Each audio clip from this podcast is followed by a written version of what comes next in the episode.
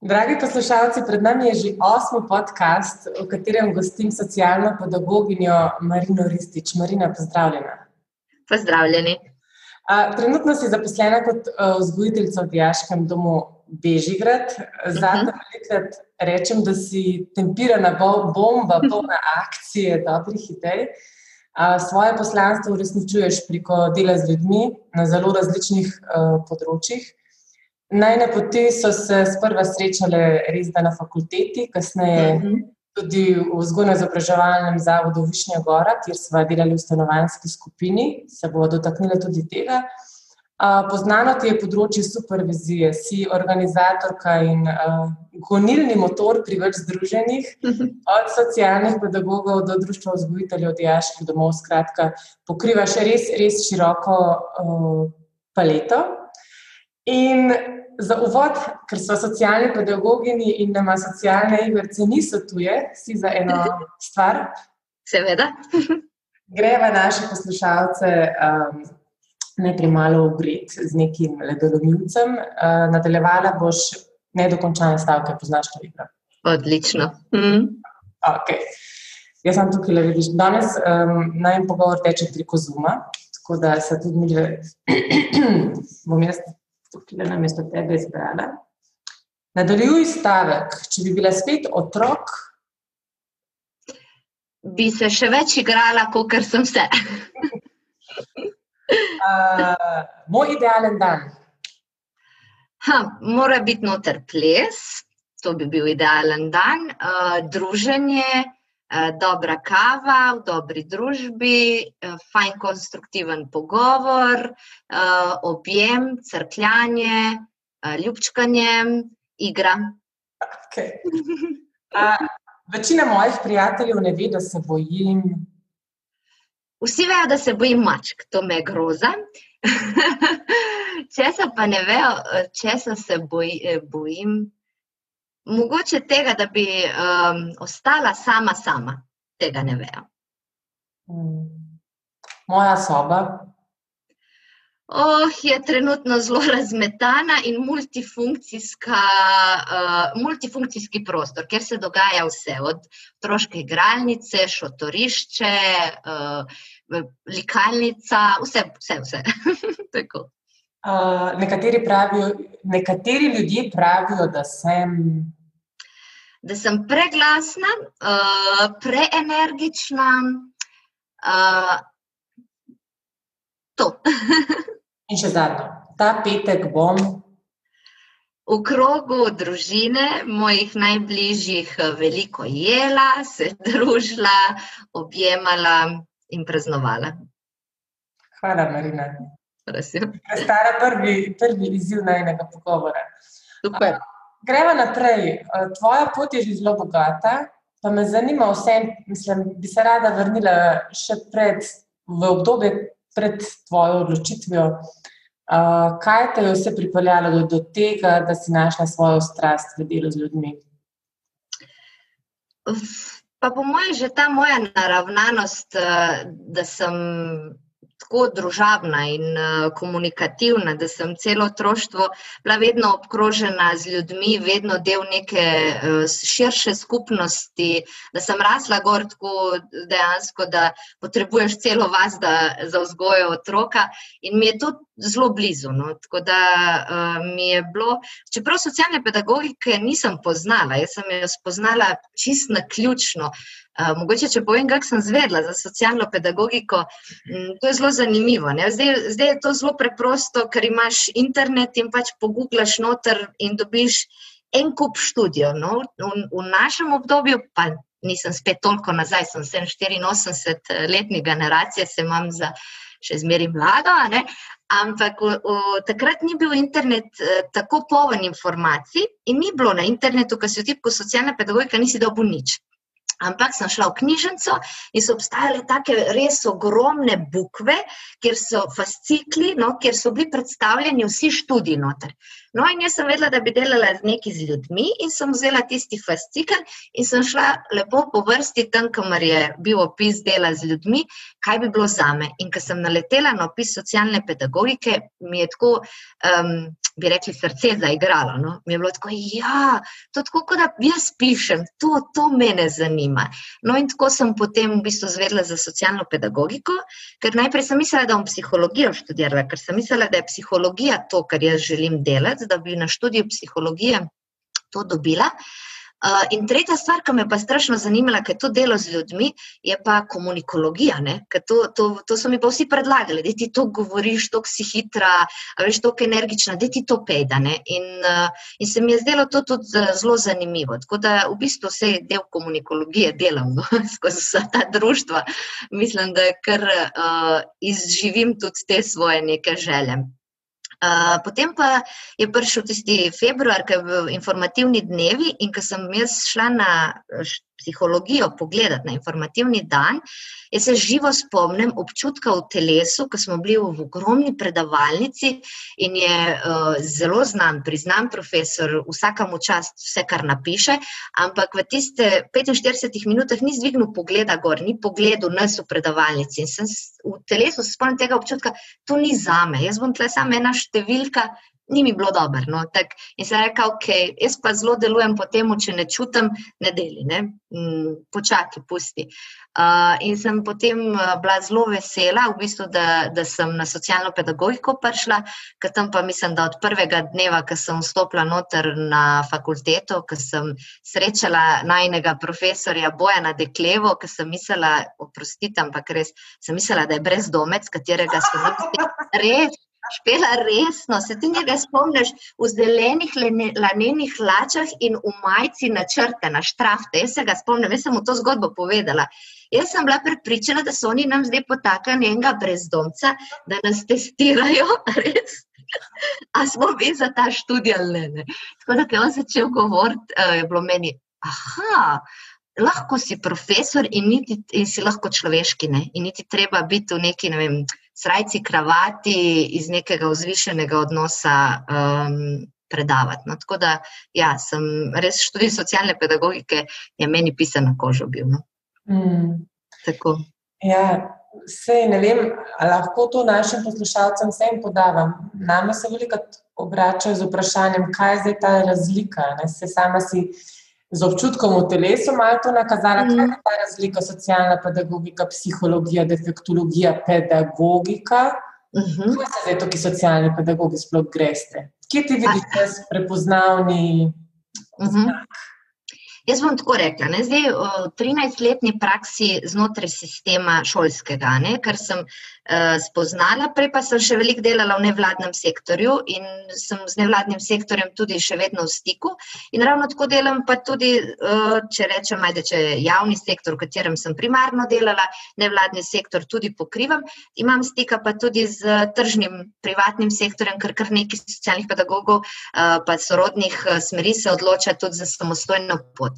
In lahko bom odgovorila iz ne toliko, v čem se študij razlikuje, ampak kaj potem ljudje, ki končajo ta študij, počnejo. Ja rekla, jaz poznam odlične psihologe, s katerimi, sem, eh, s katerimi sodelujem, ki so zelo dobri v diagnostiki. Recimo, jaz bom rekla, da jaz kot socialna pedagogika mogoče ne, nimamo nekega, nekega diagnostičnega pripomočka, s katerim bomo pristopili človeku. To imajo psihologi in oni so v tem dobri. In, je, in jih je fajn imeti zraven, da ti pač rečejo, da uh, smo delali, ne vem, konkretno zdaj rečem z nekim mladostnikom. Uh, naredili smo diagnostično, smo šli čez, tukaj in tukaj in tukaj so neki primankljaji, uh, recimo, to je neko težavno področje. Socialni pedagogi smo pa zelo dobri v tem, okay, to imamo in imamo osebo pred sabo in vstopiti v ta njegov. V njegovo življenje, v njegovo zgodbo. To mislim, da pa socialni pedagogi imamo nek ta, da je to naša, neko, to res nek biserno. Znamo stopiti s človekom skupaj, biti ob njemu, ne na mesto njega početi stvari, ker recimo mogoče, če rečem defektologi, se mi včasih zdi, tako ko sem v stiku z njimi, da so veliko bolj naravnani, mogoče tudi na to, da naredijo stvari. Za človeka, ampak tudi na mesto človeka, ker seveda vzamemo v zakup to, da oni delajo tudi res z populacijo, ki potrebuje veliko, veliko čiste fizične asistence. Uh, recimo, socialni pedagogi pa stopimo s človekom uh, v štric in mu skušamo omogočati okoliščine uh, čim bolj optimalne. take okoliščine, kjer se lahko on krepi v tistem, kar je pri njemu že močno, se veš, kaj je mantra nas socialnih pedagogov, močne točke. Torej, krepimo jim tako poudarjamo, da krepi svoje močna področja, istočasno pa okoliščine in priložnosti, da lahko človek tiste neke bolj šibka področja ali pa dejavnike tveganja, da se jih lahko uri, pripravlja, popravlja, priuči nove zadeve. In temeljno je seveda vedno odnos. In tukaj se mi zdi, da socialni pedagogi res se zavedamo, koliko je pomen odnosa, ohranjanje, ustvarjanje in ohranjanje te delovnega, dobrega odnosa, kar pomeni nekega zavezništva. Jaz sem tvoj zaveznik v tej tvoji zgodbi, ne, I got you, ne, v tem smislu. No. Uh, tako, pedagogi so seveda bolj pokrivajo neko področje, ki ga mi mogoče tudi toliko ne, recimo čist didaktično, nek potek pouka, recimo, kot socialni pedagogi smo, recimo, če bi vstopili na polje pouka, bomo socialni pedagogi forsirali neke svoje teme, ne? to naše teme pa so um, trening socialnih veščin, čustva, mi bomo to, ne? recimo, pedagogi bojo pa še kaj drugega opozorili, na kar bomo mi čist mogoče spustili ali pa ne bomo dali v prvi plano. Torej, mi bomo predlagali interakcijske igre, dajmo delati na skupinski dinamiki, dajmo razred povezati. Recimo, pedagog bo pa mogoče nekaj drugega izpostavil, okay, kaj so učni cilji, kako se te učne cilje dosega. Mogoče bomo socialni pedagogi tega ne bomo imeli tako v prvem planu. No. Tle se tako malo razlikujemo, če sem tako orisala. Uh, se mi pa zdi, da vsi te profili, ki delamo, ki delamo z enakim, z istim človekom, torej ali je to razred ali je to uh, mladostnik, se lahko zelo dobro dopolnjujemo in lahko smo res kot ena krpanka ker lepo, lepo zašiješ vsak del skupaj in narediš res eno tako super, uh, lahko super preprogo. Ali pa če se zdaj že se spomniš, uh, tudi uh, pri pr deklevi na faksu smo imeli gumirano platno. No, eno tako tvorimo skupaj, eno tako gumirano platno ki ga lahko nateguješ in napenjaš, ampak če so te šivi dovolj trdni vmes in če posameznik uh, jih upošteva, jih spreme tudi za svoje, je del tega in uh, kreira tudi sam uh, vso to zgodbo, torej skupaj z njim, je to lahko zelo dobro varovalno gumirano platno, ne? lahko je zelo dobra podporna mreža. Sem že mal pesniška. Ja, odlična si. Uh, v spodobah. Um, ja. Pred pogovorom s vas, ko smo se pripravili, smo se dotaknili tudi te teme, ne, da imamo običajno neko idejo, zdaj s kom bomo pa mi delali, uh, kaj bomo mi spremenili v svetu. Zdaj, kakšna je tukaj tvoja zgodba, neka ideja o tem, kaj boš in kaj se je potem zgodilo. Uh, moja ideja je bila že v srednji šoli. No, je mene zanimalo, ko smo imeli um, klape. Mi smo bili super, zelo povezana klapa smo bili. Tukaj v mojem kraju sem imela res uh, fajn uh, najstniška leta, veliko druženja, zabave in vsega tega, kar gre zraven v to obdobje. Uh, ampak nekateri so zabluzili, moji vrstniki, plus minus recimo. Tri leta. In uh, jaz sem drugače iz Sežana, iz, torej je, je meja takrat bila, ni bila Evropska unija in je bilo veliko švrcanja droge, no, čist če povem, ponazorim. In je bilo pri nas med v tistem obdobju najstniškem razvila tudi kar neka igra. Ne? Takrat ni bilo, hvala Bogu, ni bilo socialnih medijev, torej srečo, hvala. Ne? Uh, in smo mi izziv, izziv je bil, ki bi zdaj recimo bil spleten izziv, takrat je bil izziv pet minut straha. Pet minut straha pomeni, da prešvercaš drogo čez mejo. Um, In se je to, pač seveda, so se nekateri večkrat naredili teh pet minut straha in so jih dobili, in so potem, seveda, naprej druge stvari uh, šle. In meni ni bilo jasno, zakaj neki moji prijatelji so tako zabluzili in so bili super, ne? Mm, tako, Vedno neko predstavo sem imela iz filmsko, ne, da ne vem, kriminalci so pa neki res slabi ljudje ali pa ne vem, uh, odvisniki so res nekdo, ki res je imel neko zelo težko zgodbo. Ampak jaz sem videla med svojimi vrstniki, da ne, to so čisto moji prijatelji, ki smo skupaj rasli, so šolci. Ne, in to me je zanimalo, no, to me je zelo potegnilo in zato sem uh, toliko bolj raziskovala Jaz sem začela brati v srednji šoli, ne prej, uh, in sem odkrila uh, UDK statistiko 159.19, to je psihologija. Ne? In sem takrat začela brati vse knjige po vrsti, ker me je zanimalo, kaj se dogaja, uh, zakaj, uh, zakaj nekateri enostavno na svoji neki življenjski poti zabluzijo. No?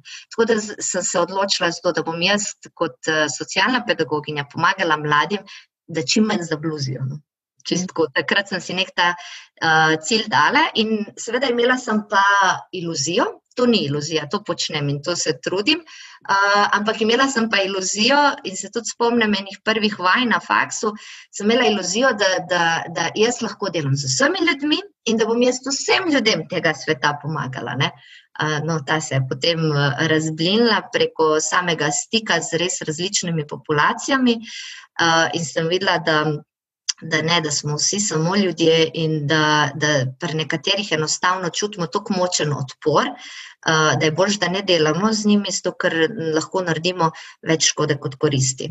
In po tem principu se tudi, če se le da v svoji profesionalni karieri, uh, držim, da ko začutim, da imam nekje res nek uh, močen. Uh, ali to fizični odpor, ker tudi to se mi je zgodilo, da ob nekem, neki situaciji, ob nekem človeku uh, začutim res fizičen odpor, ali pa da imam etični zadržek, da se ustavim, vzamem pauzo, uh, če je le možno, naredim supervizijo uh, s svojo supervizorko ali pa v supervizijski skupini, da predelam.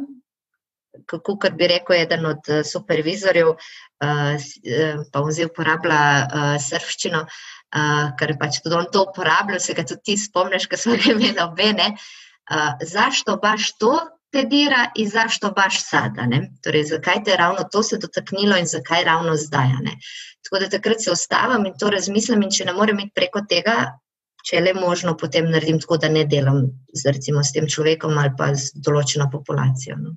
Mm. Zdaj plastično ponazorim, recimo v času študija, Naš študij je bil odličen, ker smo prostovoljno delali, več čas študija in sem se sprobala vse, od vrca, osnovne šole.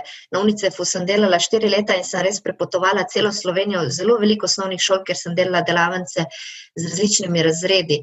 In sem dobila ta pogled um, različnih šol, ker to za, v, že ko vstopiš v neko šolo, začutiš kulturo šole. Ne? In uh, potem sem delala s starostniki, z najstniki in sem videla, da najstniki tam se najbolj počutim domače. To jaz štekam, to govorijo moj jezik, jaz govorim njihov jezik in tega sem pol tudi naprej se držala. No, ampak recimo, da ponazorim, mi je bilo pa zelo težko delati. Sem delala na mm, preventivi motnje hranjenja. Uh, in mi je bilo super. To, pri enem društvu sem delala prostovoljno, ker je pomoč z umetnostjo in sem torej združila to mojo strast do plesa z strokovnostjo. In to je odlično, to je fantastično. Preventivne delavnice sem jih izvajala, so mi bile super. Potem me pa uh, ta strokovna delovka povabila, če bi prišla na kurativne uh, delavnice, torej v skupino, samo pomočno skupino deklet, z, ki imajo težave z motnjo hranjenja. No, jaz sem tam začutila, recimo pri sebi, v fizično v telesu, da jaz ne razumem, da, da, da nek krč, da jaz tega ne štekam, da kukar da bi govorila kitajsko, pa nič ni narobe z njimi, niti z mano, ampak nisem razumela tega sveta. In takrat sem potem pač um, se tudi odločila, da takrat v tistem obdobju ne bom delala na tem področju, ne na kurativi, na preventivi. Ja leta kasneje, ko sem predelala stvari, ki sem jih eh, tudi z drugega eh, zornega kota spoznala in se torej naučila tega jezika, ki ni moj jezik, komod lahko, mi ni tuje. Ampak takrat mi je bilo tuje. Ne? Recimo, ne? Mogoče še v besedah sirotišnica in perfekcionizem. Okay. Ja, ja, ja, ravno zato, ja, ker tukaj nisem razumela tega polja perfekcionizma. Jaz nisem razumela v, te, v skupini torej mladostnic, ki so imele težave z, uh, ki so, v bistvu to je simptom ne, motnje hranjenja, težava je nekje druge v zadnji. In tega mehanizma perfekcionizma jaz nisem takrat razumela in sem rabila kar dolgo. Celo zdaj, nedavno sem se z njim ponovno spet ukvarjala, um, ker jaz namreč. Um, Jaz sem tak učinkovit človek, ne? jaz sem za učinkovitost, uh, če je dovolj dobro, odkljukam in gremo dalje. Ne, ne stremim k temu, da so zadeve popolne, ampak da so dovolj dobre. In zato tudi nisem tega čist razumela. Ampak v, v ozadju perfekcionizma, perfekcionizem ni sam po sebi, ne dober, ne slab. Ne, ampak ko se ta perfekcionizem obrne v prid, uh, v kontra samemu človeku, torej da ne more oddati neke zadeve, ker ni nikoli zadovoljen, če ne čuti ob svojem delu uh, zadovoljstva, čeprav nekdo zunanji bi rekel, pa to je več kot popolno, to je super. Torej, če posameznik sam ne čuti zadovoljstva, se zraven še čuti recimo manj vrednega ali pa se obtožuje, občutek krivde. Ta občutek nikoli dovolj dober, uh, potem je to ni dober perfekcionizem. Ne? Tako, no. uh, tega, kaj sirotišnico si pa umela. O, oh, sirotišnica, ja. Sirotišnica je pa tudi ena od idej, ki sem jih jaz imela v času študija, da bom jaz uh, posvojila otroke. Ta ideja je sicer še živa, tako da delno nekako ta ideja bo se nekako manifestirala še v mojem življenju. Uh, ampak, ker sem šla kot študentka v Bosno, sem drugače rojena v Bosni in uh, sem imela eno leto, manj kot eno leto, dojenčica sem bila, ker so moji starši prišli sem. Uh, ampak me vežejo še zmeri korenine, pa tudi malo karakterja, mislim, da mi seka malo te krvi ven. kako ne rečem temu, pa dobro, namerno mislim. Uh, sem šla v Bosno sirotišnico delati en tabor. Uh, no, meni se tam srce zlomilo um, in sem svedla, da, okay, da to je tudi področje, kjer uh, ne bom mogla delati, ker bi jaz vse domov vzela. Uh, oziroma, bi lahko delala, če bi življenje posvetila izključno samo temu delu. Tako se mi je zdelo, da na nekem trenutku sem čutila, da to bi lahko počela, če se bi odločila, recimo, da jaz mogoče ne bi imela družine pa bi se posvetila samo temu. Ne. So me pa te otroci naučili ogromno. Jaz sem delala tudi en mesec v Srbiji, v tudi sirotišnici, ampak posebna oblika sirotišnice temu se reče Dječje selo. To je nemški uh, kinder. Um, Kinderwald, ta nemški projekt, ki je po celem svetu, torej uh, otroška vas, kjer je pa zelo idilično, mora biti v takem lepem uh, parku narejena in je bilo, uh, zdaj se ne spomnim točno, 10 ali 11 hišk, v vsaki hiški živi toliko otrok, uh, starih od 3 do, 18 let, tako da se zelo med sabo poštimajo in dela, dela en vzgojitelj in oni rečejo temu teta, uh, torej gospodinja, ki skrbi za, za, za vse ostalo. Ne? In ravnatelj živi v posebni hiši, in v tisti hiši je tudi. Tudi potem šola, in tako in imajo vse tam, tako mini vasica, res.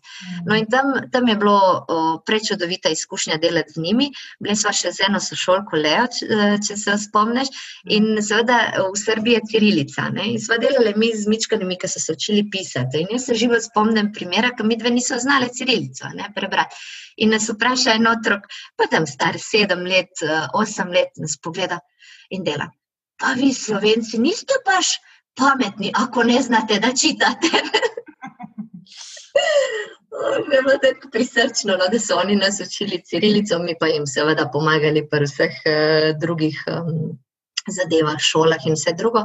In tam je tudi veliko Romov. Uh, in se živo spomnim uh, treh bratov in sestrc, uh, dva mička sta bila dvojčka in sta bila stara štiri leta, in starejši je bil star enih sedem in on je tako skrbno za njih skrbel.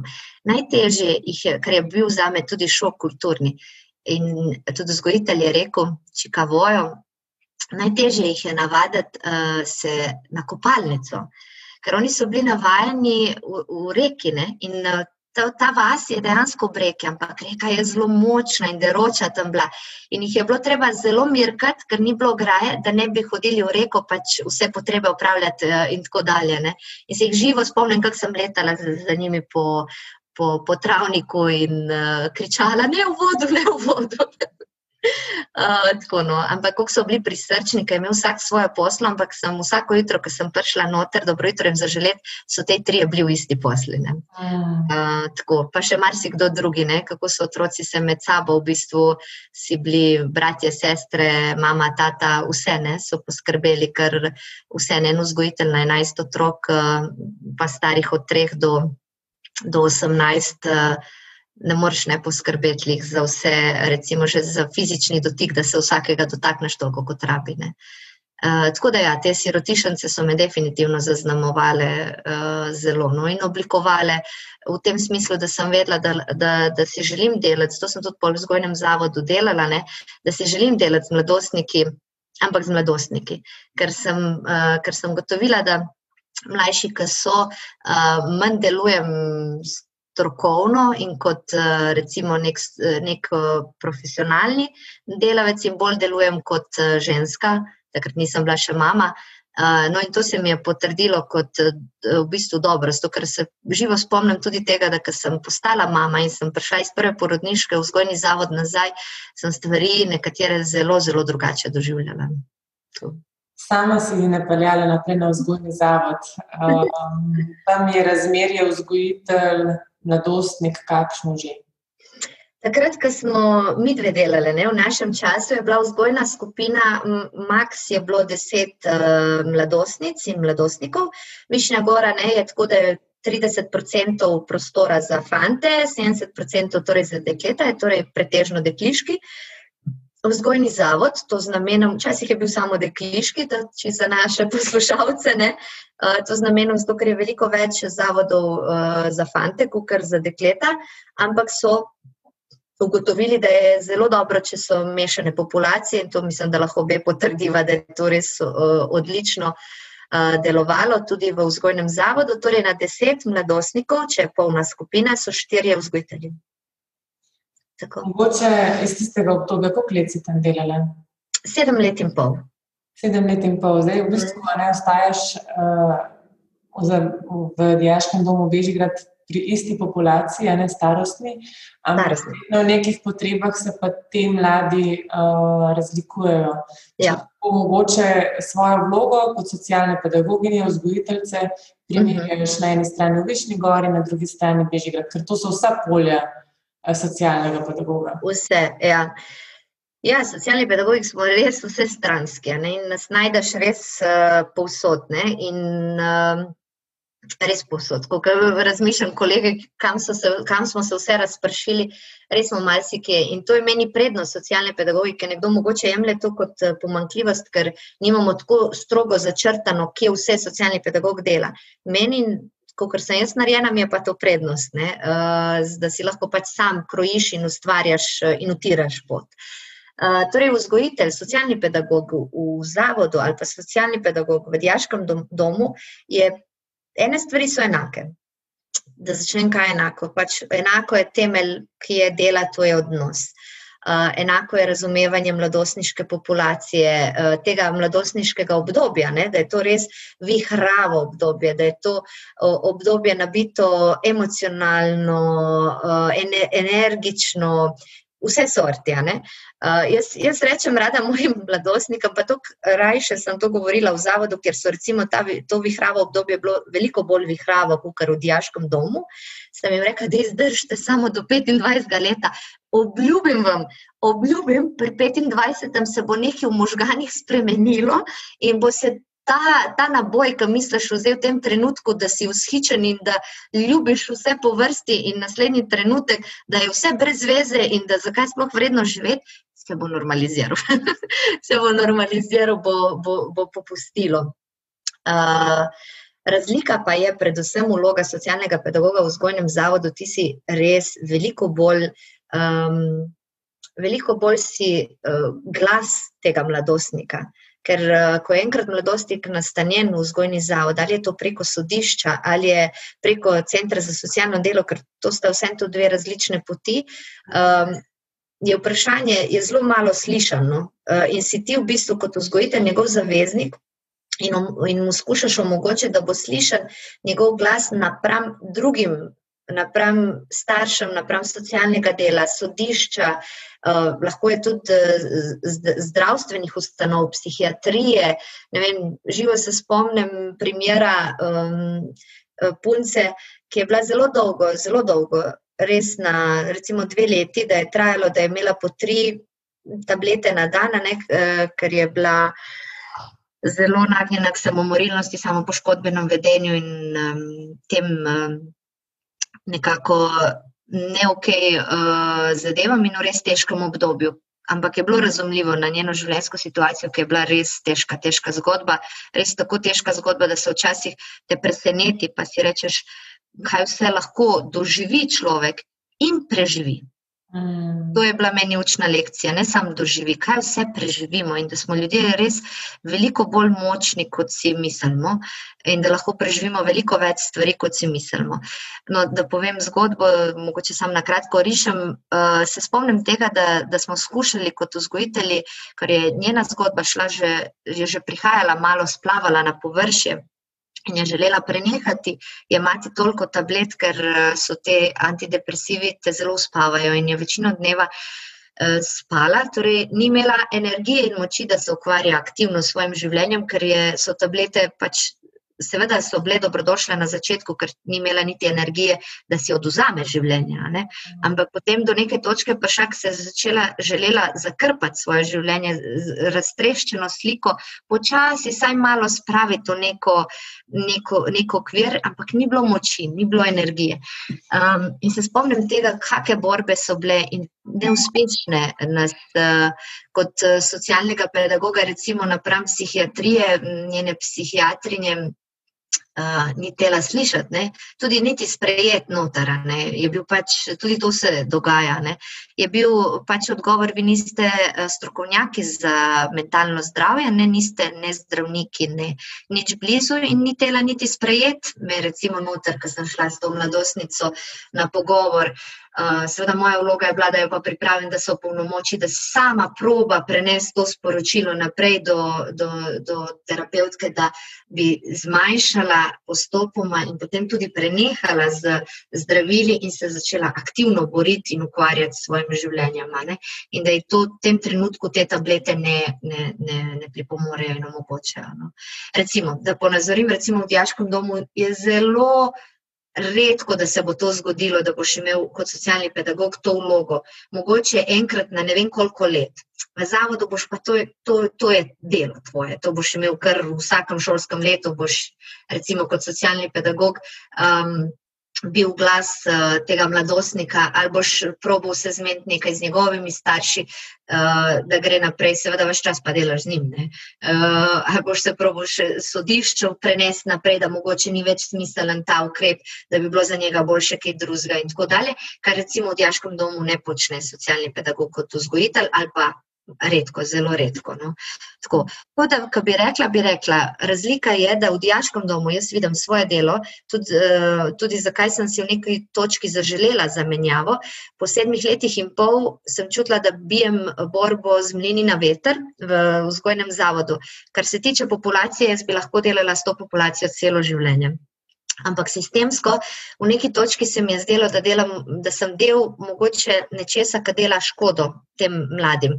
Čist konkretno, da povem, meni je bilo najhujši, najhujši dan v šolskem letu, mi je bil uh, eh, 24. juni, ko smo se poslavljali. Ko sem jaz dala roko mladostnici, mladostniku ga objela, jo objela in sem vedela za nekatere, da bojo noč preživeli na ulici sem vedela, da ne bojo šli domov, ker nimajo varnega okolja, in mi jih pa nismo smeli več imeti, ker so pač zaključili pri nas. No, tega jaz več nisem mogla prenašati, ker sem potem tudi vedela, ker se seveda ostaneš v stiku. Ti si vzgojitelj, delaš z njimi tri leta, greš z njimi čez. Mislim, res od sov sreče do, do sov, sov žalosti, do jeze, do konkretnih konfliktov in ne zadev, da ne rečem, uh, česa, ki jih v običajnem življenju ne doživiš, tudi v diaškem domu, ne, ali pa recimo enkrat na, na, na kariero. Uh, to mi je bilo prehudo. No? In potem, uh, ker takrat smo se zelo borili, da bi mladinska stanovanja bila, da bi se odprlo to uh, po zavodu obravnavo, da bi se jih lahko še spremljalo. In to vse je naletelo na, na ni bilo slišano. No, je vse bilo, ja, ja, napišite, napišite. Mi smo pisali, delali, ne vem kaj vse, in vse ostalo nekje črka na papirju, v nekem predalu, pač na nekih drugih inštancah. No. In potem se mi je ponudila priložnost eh, v preventivo, in sem si res zaželela preventive, uh, in sem šla v diaški dom. No. Tako da bi rekla, da v diaškem domu socialni pedagog, predvsem in največ, lahko preventivno deluje. Tako. Še zmeraj mi ostaje v bistvu um, višnjegorski mladostniki. Torej, čeprav razumem, uh, ko končajo, so prepuščeni sami sebi. Mogoče veš, uh, Zdaj, ja. kaj ti tvoji mladostniki, kakšna je njihova pot. Mislim, da potem je težko, verjetno tudi včasih naše poslanstvo upravičiti, da delamo mm. nekaj smiselnega. Ja, tudi uradno, zdaj sicer je to posneto, ne? ampak uradno jih ne smeš spremljati. Ne?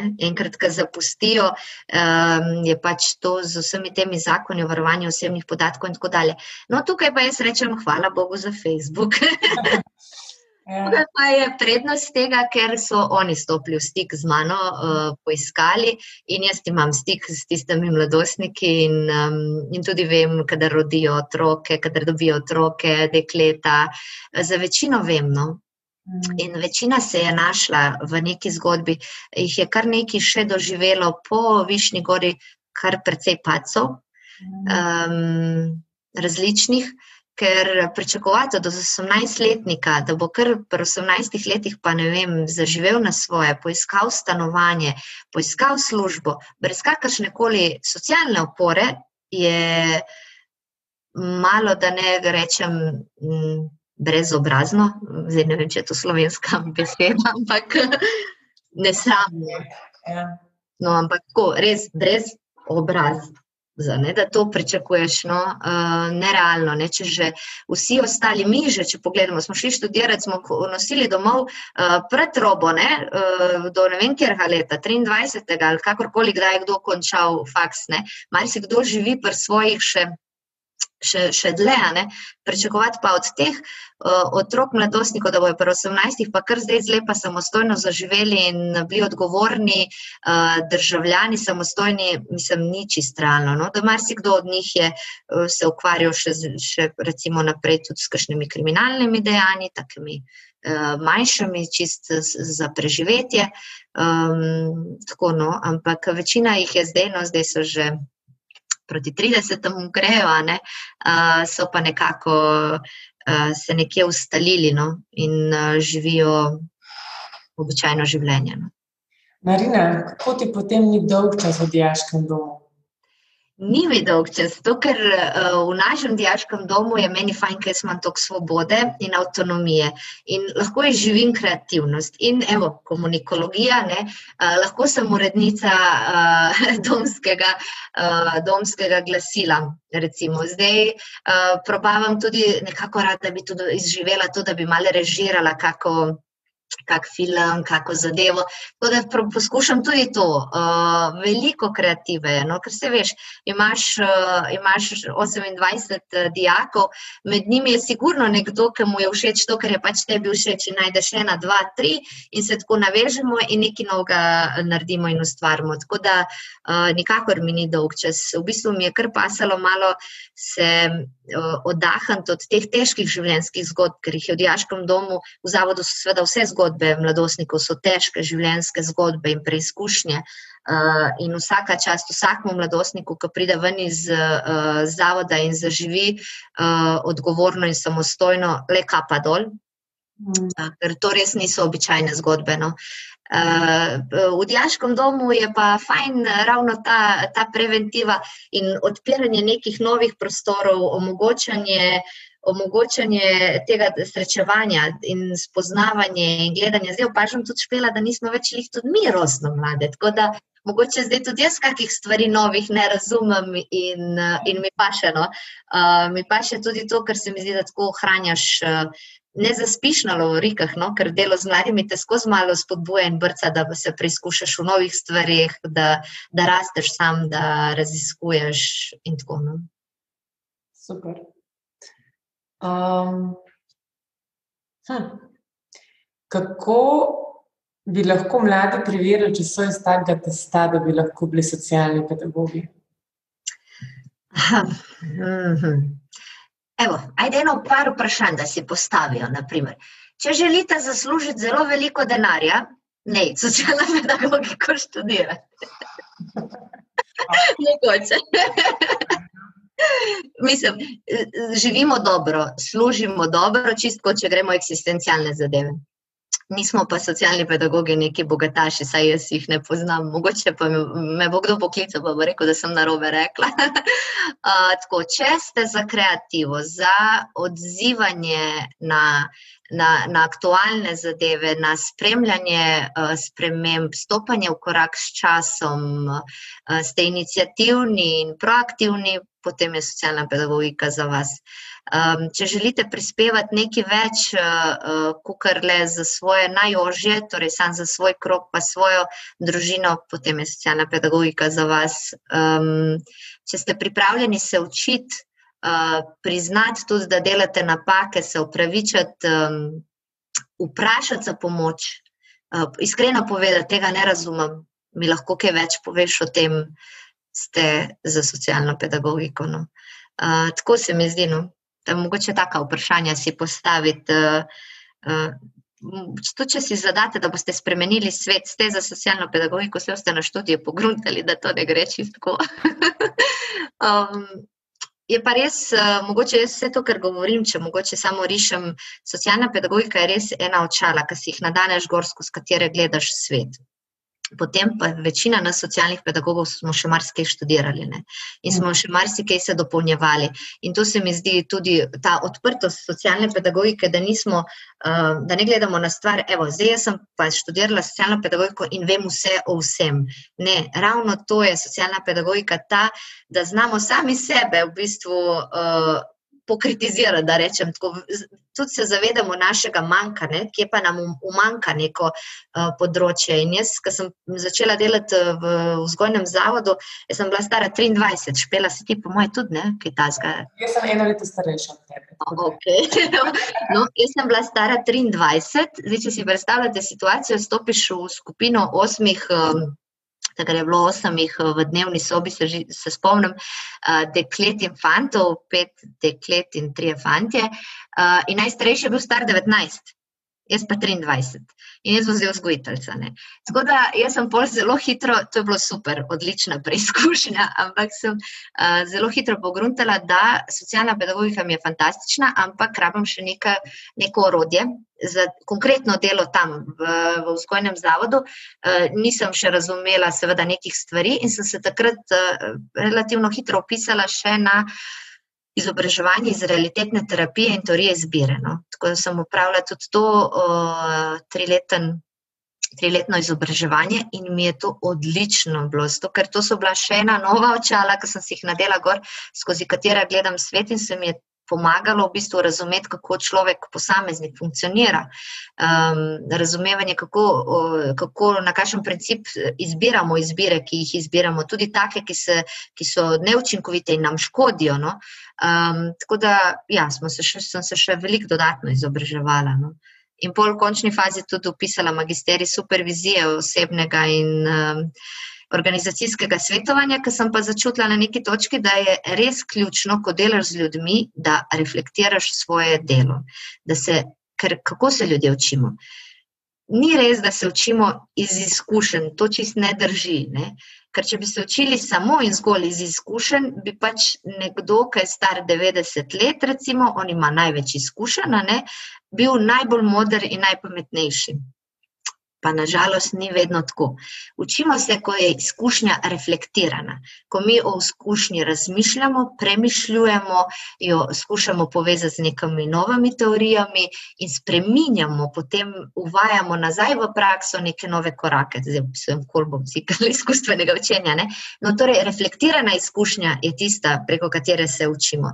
In tukaj je supervizija odlično orodje, ker supervizija v kratko pomeni poklicna refleksija. Um, in sem se tudi iz tega izurla in to tudi vidim kot eno od poslanstv moje, ne, kot socialna pedagoginja, da omogočam tudi strokovnjakom, da se odpira polja, kjer lahko reflektirajo svoje izkušnje, se učijo iz njih.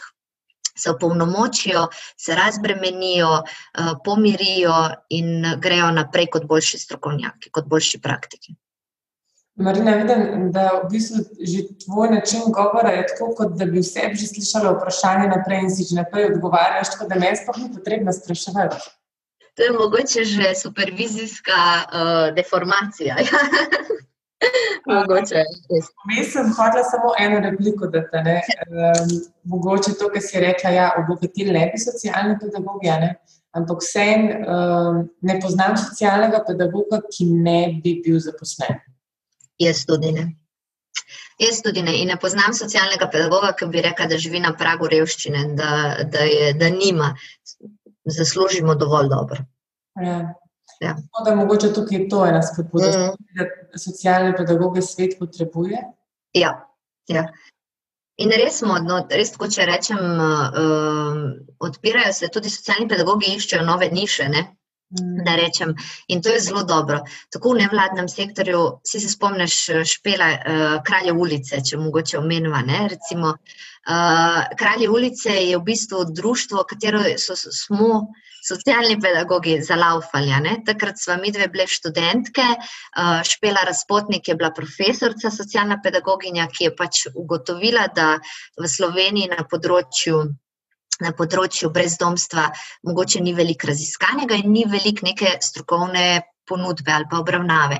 In to, delajo, to delamo tudi socialni pedagogi. Torej, iščemo polja, kjer niso še pokrita in vstopamo v ta polja in jih ustvarjamo nova polja, če rečem. Sploh, če se bomo pol vrnili na to trenuten čas, ker ustvarjamo čisto novo prakso, tole online prakso, zato nas ni nihče učil. Ampak, da se vrnem nazaj na kralje ulice, recimo takrat je špela nam kot izbirni predmet to ponudila, ne? pa smo šli mi dve, pa nas je šlo še velikne.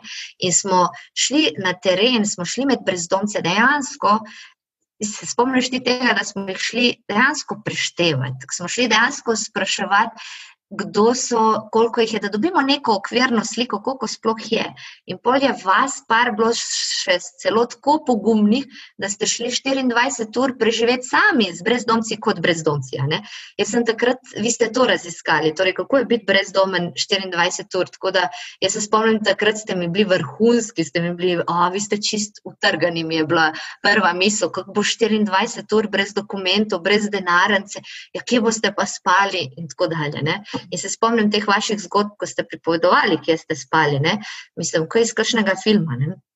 Uh, in to, to je socialna pedagogika. Ne? Jaz se spomnim, da sem šla takrat raziskovati, uh, kje se lahko kopajo. Ne? Ki je, to je mene zanimalo, kako pa osebna higiena. Ne? In se spomnim, da sem šla uh, na Škofijsko um, Karitas, ker so ob torkih, so se takrat uh, v Štepancu, takrat uh, mislim, da je še zdaj tako, ampak lahko so se prišli noter na Karitas ob torkih okopati, župnik jih je postrigel, jih pobril, vse, kar je bilo treba, uh, so dobili novo obleko in so šli naprej. Ne? In je meni bilo to res čisto novo, nov svet, neodkrit. In sem bila tako presenečena, ker sem videla, da so prišle tudi družine se okopati, da je prišel par z otrokom. In jaz sem se, seveda, kot socialna pedagoginja, zaigrala z otrokom. Ne? In tako in, no, med tisto igro, ki smo igrali se po tleh. Um, uh, Skredo in to. Ja, uh, sem tako čisto vprašala, kje pa spiš, ne? In se je otrok sedemletni kar ulegel na tla. Ja, tako, pa zaspima, ne? Se je ulegel na tla in je rekel tako, in se je rekel, ok, ne. To, mislim, in to je socialna pedagogika, ne, da, da torej iščemo te uh, nepokrita polja tudi.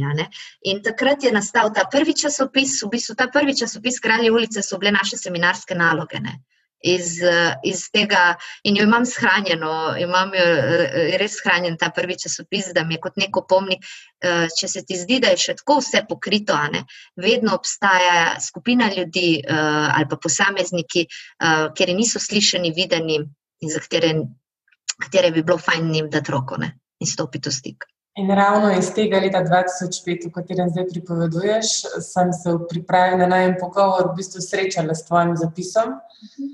Ker ne samo, da iš, smo poiskali neko populacijo, ki ima še neke potrebe nezadovoljene in je potrebna nekih novih metod in praks, ampak tukaj v tvojem zapisu tudi omenjaš stereotipe. Ja, mhm. da je to na tako področje, ki ga tudi socialni pedagogi ali, ali jih razvijamo ali jih pa se prepoznavamo. No? Um, sem mislila, da bi mogoče s tem zaključile uh, da preberejo ta tvoj odlomek. Še si za. Lahko, pa preden ga prebereš, mogoče si omenila stereotipe in predsotke, ne? ali pa te preberi, preberi. Povej, povej, povej. Ne, sem tela reči, da tudi uh, ne samo socialni pedagogi, da rušimo v glavi svoje stereotipe. Včasih smo tudi mi stereotip uh, ali pa predsodek nekomu drugemu. Ne? Uh, recimo, če čisto ponazorim, ne, jaz sem bila uh, tudi povabljena v projekt uh, kot študentka, že pa pol kasneje sem diplomirala, Živa knjižica, ki je odličen projekt, ti ga špela poznaš, ne, mm. kjer si sposodiš na mesto knjige človeka, ki ti pripoveduje zgodbo. Ne. In so me povabili zraven in so rekli, ok, kakšen predsodek pa bi ti blanem. Mm. In sem rekla, ja, uh, diplomirani čapac. Ne. Uh, ker pač mi, ki smo priseljenci in smo druga generacija uh, priseljencev, je tudi nek predsodek do nas. Ne? Uh, tale mehki črn te, te, te označuje, te izda, lahko rečeš, kakorkoli. In, uh, in mi je bilo zanimivo, ker so se ljudi mene izposojali, ne? diplomirani čapac. Torej, če fur v smislu druge generacije priseljencev. Ne. In to te definitivno tudi zaznamuje, ker rasteš gor um, uh, kar rasteš gor s, s tem, da vidiš, da si pa mal drugačen od drugih. Zato mogoče se tudi odločiš za socialno pedagogiko, ker imaš to subtilnost, da prepoznaš ta občutek, ker ti je znan, ti ni tujne, ker se čutiš, da nisi čisto noter, del neke skupnosti, a nisi niti zunaj. Ne? Tako da jaz rečem nam, priseljencem, druge. Priseljencem, pa tudi druge generacije, da smo doživke. Uh, ne pripadamo ne tukaj, ne pripadamo niti tam. Ne? Tako da si ustvarimo neko svojo, uh, neko svojo uh, pripadnost. In zato znamo pol shajati s tako različnimi, uh, nekateri, no? znamo shajati, zato ker sprejmemo to, sprejmemo, da smo. Da smo drugačni in da smo in slovenci, in uh, bosanci, čeprav ne obstaja to kot narodnost, ali Hrvati, ali karkoli drugega, da smo vse to. Um, tako in presežemo to. Ja, Marina, veš kaj? Jaz mislim, pa, da je bilo najbolj, da to ti prebrale. Aha, joj, kje si najdla? To je pa moje šibko področje, pa je ne znam dobro pisati, mi pravijo. da mi to ne leži. Lej, praviš, da socialni pedagog gre ven iz uh, cone obdobja. Tako je. Ja. Preberem, evo, zapis iz leta 2005, a še s prejemkom Karimovič. Uh, tu se pokaže moj stereotip brezdomca, ki ga imam naslikanega kot starejšega in neurejenega moškega. Kako se motim? Tu v vrsti stojijo ženske, moški, mladi, stari in tudi otroci. Eni so urejeni, drugi ne. Eni imajo vrečke sabo, drugi pa mobitele. Eni imajo časa na pretek, drugim pa se zelo mudi. Eni so tiho in povešene glave, drugi pa se na vse glas derajo in skačejo okrog. Eni so vinjeni ali pa pod vplivom kakšne druge substance, drugi pa so trezni in pokončne drže. Tu vidim, kako ne moremo brezdomce vse v en predalček spraviti. Težko je oblikovati definicijo brezdomca. Jaz bi to pustila kar ob strani in bi raje pogledala, kdo je človek, ki stoji pred mano. Hvala, Marina. Ja, se pravi, lahko je tako in drugače. Tako. Se mi zdi, da smo tudi tekom študija velikrat uh, slišali, vse je relativno. ja, to je tudi socialno-pedagoška mantra. Poleg močnih področji in še če. Ja. Um, Marina, sklepna misel. Zdaj je malo praznična. um, želim nam vsem uh, ob tem času, da vseeno najdemo način, kako se povezati kako stati drug ob drugemu, tudi če nismo fizično si uh, na manj kot dva metra. Um, jaz res pogrešam ta čas, ko se lahko objamemo, ko lahko z roko v roki skupaj zaplešemo. Uh, in si želim, da ne sprejmemo to, kar je zdaj trenutno kot nova realnost, uh, ampak da vemo in se zavedamo, kaj je naša realnost, da smo ljudje, ljud, najprej ljudje in da potrebujemo en drugega, ker le ob drugemu obstajamo. In Marina je za te dva zadnja dva stavka prav prišla bližje k ekranu, da je še bolj poudarila to, da je to resno misli. Uh, tako da, Marina, hvala za prijeten pogovor, minil je kot uh, v parih minutah. Uh, hvala za vse tvoje zgodbe, iskrenost, pronicljivost in tvojo karizmo, ki jo na vzven si je še tako nadaljavo in preko ekranov. Hvala tebi, Špela, počaščena sem, da si mene poklicala, da bi predstavila socialnega pedagoga. Tako da res hvala iz srca in vse dobro. Srečno. Srečno.